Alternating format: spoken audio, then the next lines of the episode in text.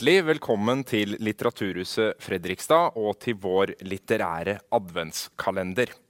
Hver søndag fram mot julaften så tar vi for oss og leser fra noen av de klassiske verkene som på mange måter har uh, satt premissene for hvordan vi opplever og kanskje feirer jula. Vi skal gjennom alt fra barnefortellinger til selve juleevangeliet. Og med oss har vi forfatter og journalist Lars Tore Bø, og han skal pakke opp noen litterære julegaver for oss. Lars Tore, i dag er det søndag andre advent. Forrige gang så var vi i millionbyen London på midten av 1800-tallet. Og i dag så skal vi til Norge, nærmere bestemt Kristiania. Vi skal til småbyen Kristiania. Til Peter Christian Asbjørnsens verden. Uh, underlig nok så er han født samme år som Charles Dickens. Og like merkelig så kommer da en gammeldags julaften, den historien vi nå skal høre, den kommer ut samme år som Dickens' En julefortelling. Men her er det store kontraster. Her er det kontraster fra uh, Londons uh, fattigdom, for å si det sånn. Så skal vi da til en norsk bondekultur hvor nettopp uh, juletida var overdådighetens tid. Og vi skal høre litt om det i matskikker og sånne ting. Men først og fremst så skal vi hente inn en julestemning fra 1840 vi skal eh, tas med inn i en verden av nisser, eh, litt spøkeri. Men eh, først og fremst så skal vi kjenne på varmen og tryggheten i denne fortellingen. Ja, For hva har dette eventyret betydd for oss? Altså, det har, har nok betydd det at vi har fått en bevissthet om uh, en annerledes jul i den forstand at uh, her griper vi tilbake nesten 200 år. Altså dette er før juletreet kommer inn i de tusen hjem.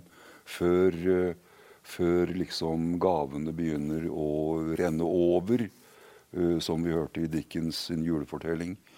dette er en, en, helt annerledes jul, men like fullt så er mange av disse tradisjonene de har fulgt oss og er med oss inn i 2020.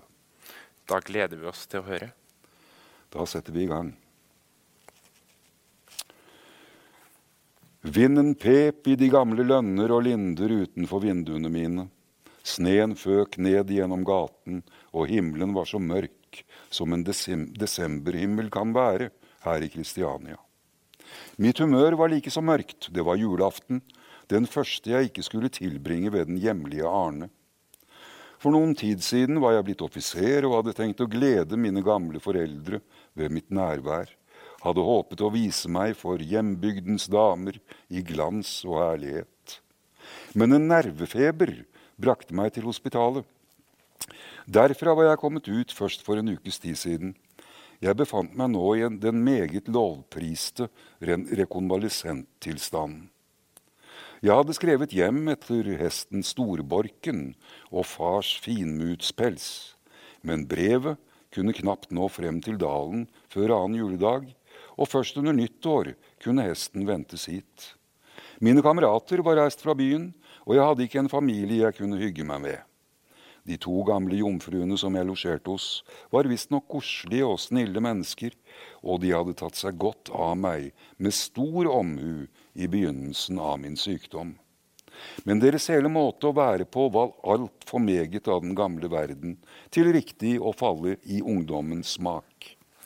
Deres tanker dvelte helst ved fortiden, og når de, som ofte kunne hende, fortalte meg historier om byen og dens forhold, minte det både ved innhold og ved den naive oppfatningsmåten om en svunnen tid. Med dette naive damers gammeldagse vesen stemte også huset de bodde i, godt overens. Det var en av disse gamle gårdene i Tollbogaten, med dype vinduer, lange, skumle ganger og trapper, mørke rom og lofter, hvor man uvilkårlig måtte tenke på nisser og spøkeri. Nettopp en slik gård Kanskje det var den samme som Maurits Hansen hadde skildret i sin fortelling Den gamle med kysen. Mine vertinners omgangskrets var dessuten meget innskrenket. Foruten en gift søster kom det aldri andre enn et par kjedelige madammer. Det eneste opplivende var en vakker søsterlatter og noen muntre, livlige brorbarn som jeg alltid måtte fortelle eventyr og nissehistorier. Jeg prøvde å adsprede meg min ensomhet og min mismodige stemning ved å se på alle de mange menneskene som ferdes opp og ned av gaten i snøfokk og vind, med rødblå neser og halvlukkede øyne. Det begynte å more meg å jakta livet og travelheten som hersket over i apoteket. Døren sto ikke et øyeblikk, Tjenestefolk og bønder strømmet inn og ut og ga seg til å studere signaturene på reseptene når de kom ut på gaten igjen. Det så ut til at noen greide å tyde dem, men andre sto lenge og grunnet og ristet betenkelig på hodet. Oppgaven var nok for vanskelig for dem. Det skumret. Jeg kunne ikke skjelne ansiktene lenger, men stirret over på den gamle bygningen. Således som apoteket da var, sto det med sine mørke, rødbrune vegger, spisse gavler og tårn med værhaner og blyvinduer som et minne om bygningskunsten i Kristian den fjerdes tid. Bare svanen var da som nå meget adstadig, med gullring om halsen, ridestøvler på føttene og vingene spent til flukt. Jeg var akkurat i ferd med å fordype meg i betraktninger over fengslede fugler da jeg ble avbrutt av støy og barnelatter i sideværelset og en svak, jomfrunalsk banking på døren.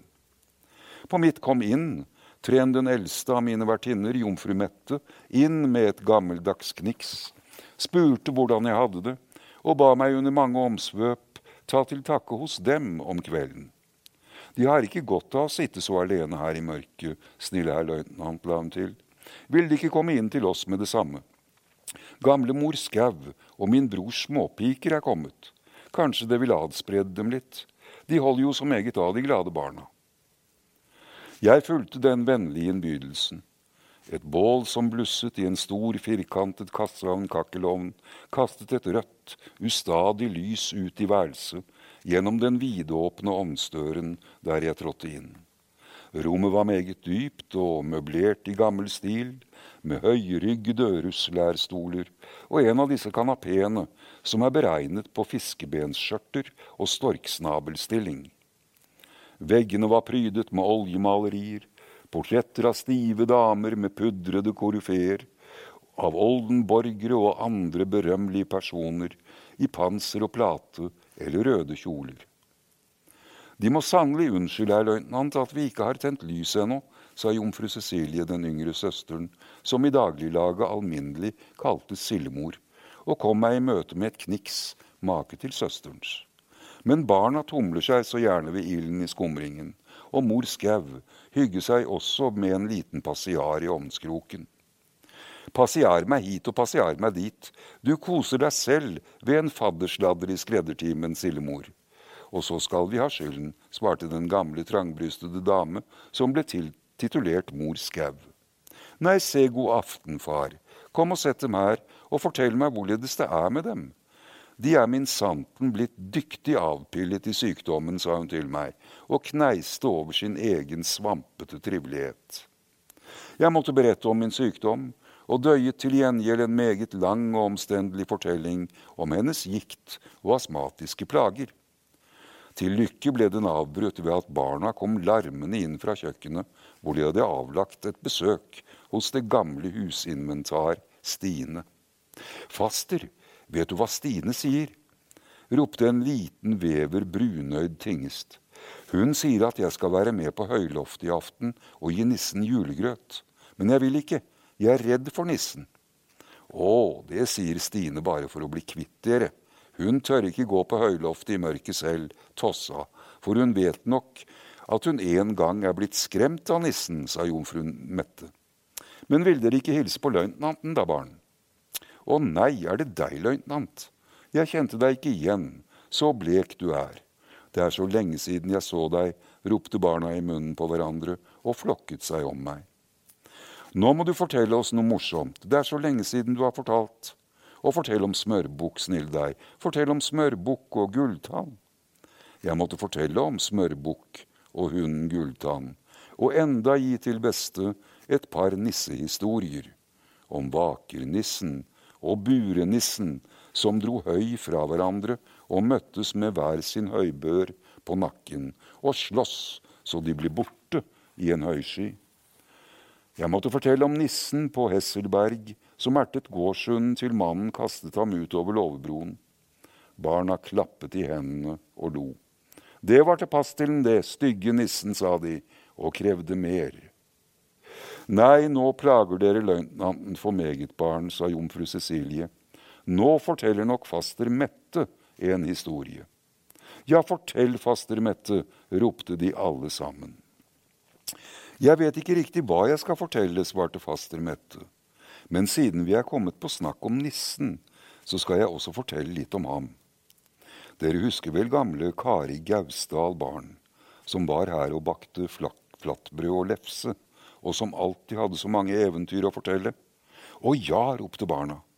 Nå, gamle Kari fortalte at hun tjente på Weissenhuset her for mange år siden. Den gang var det enda mer ensomt og trist enn det nå er på den kant av byen, og det er en mørk og skummel bygning, Weissenhuset.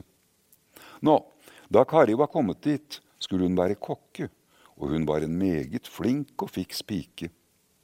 En natt skulle hun stå opp og brygge øl.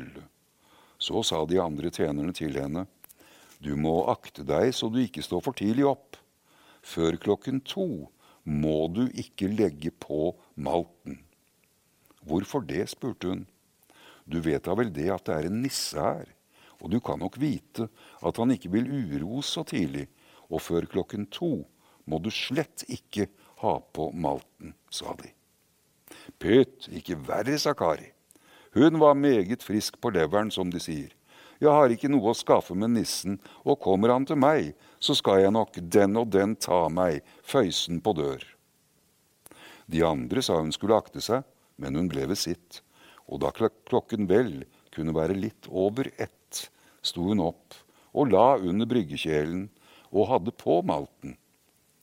Men hvert øyeblikk sloknet det under kjelen, og det var liksom en kastet brannen ut over skorstenen, men hvem det var, kunne hun ikke se.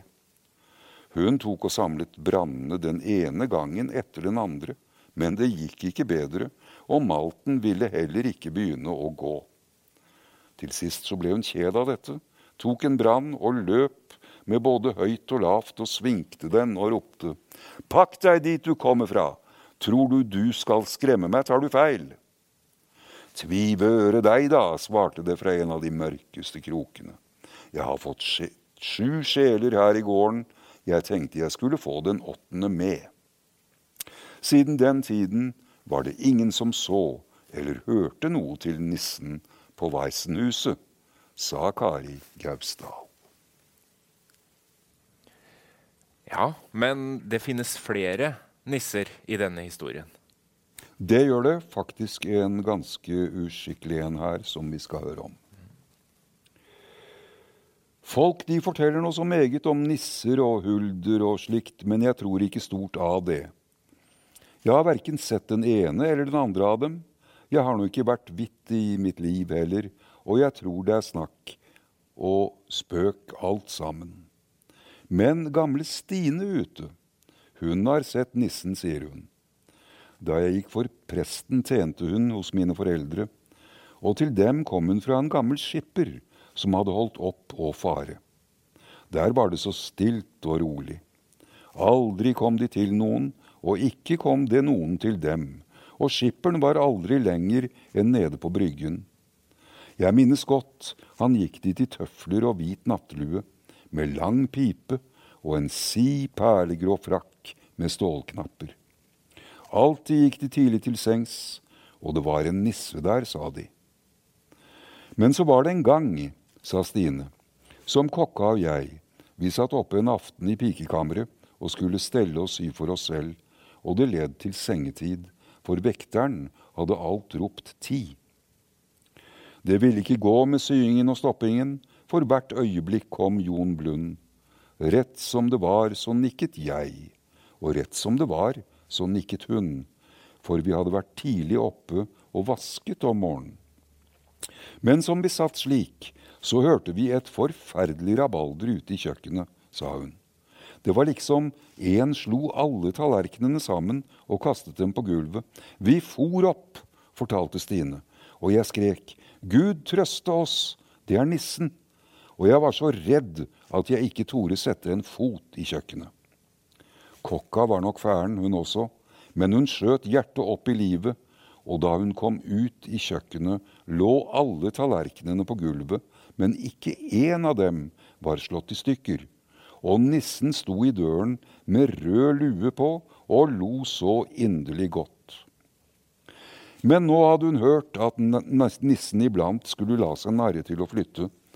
Når en ba ham om det, og sa det var roligere for ham på et annet sted, og så hadde hun lenge spekulert på å gjøre ham et puss, sa hun.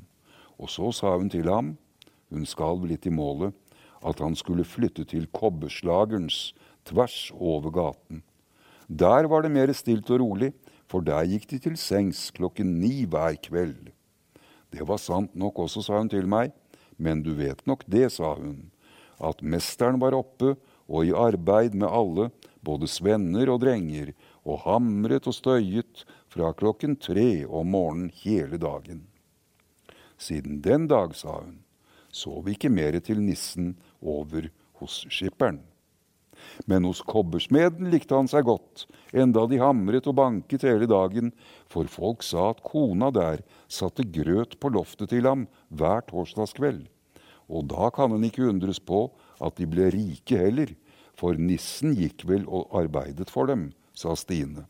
Og det er sant, de tok seg opp og ble rike folk.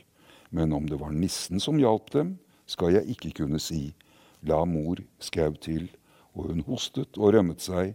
Det var en usedvanlig lang fortelling for henne. Tusen takk, Lars Torebø, for herlig julenostalgi. Vi ses igjen neste søndag. Da er det tredje søndag i advent. Og hvis vi klemmer litt på den litterære julepakka, hva finner vi der? Da skal vi møte årets 100-årsjubilant, Jens Bjørneboe. Det gleder vi oss til. Vi ses!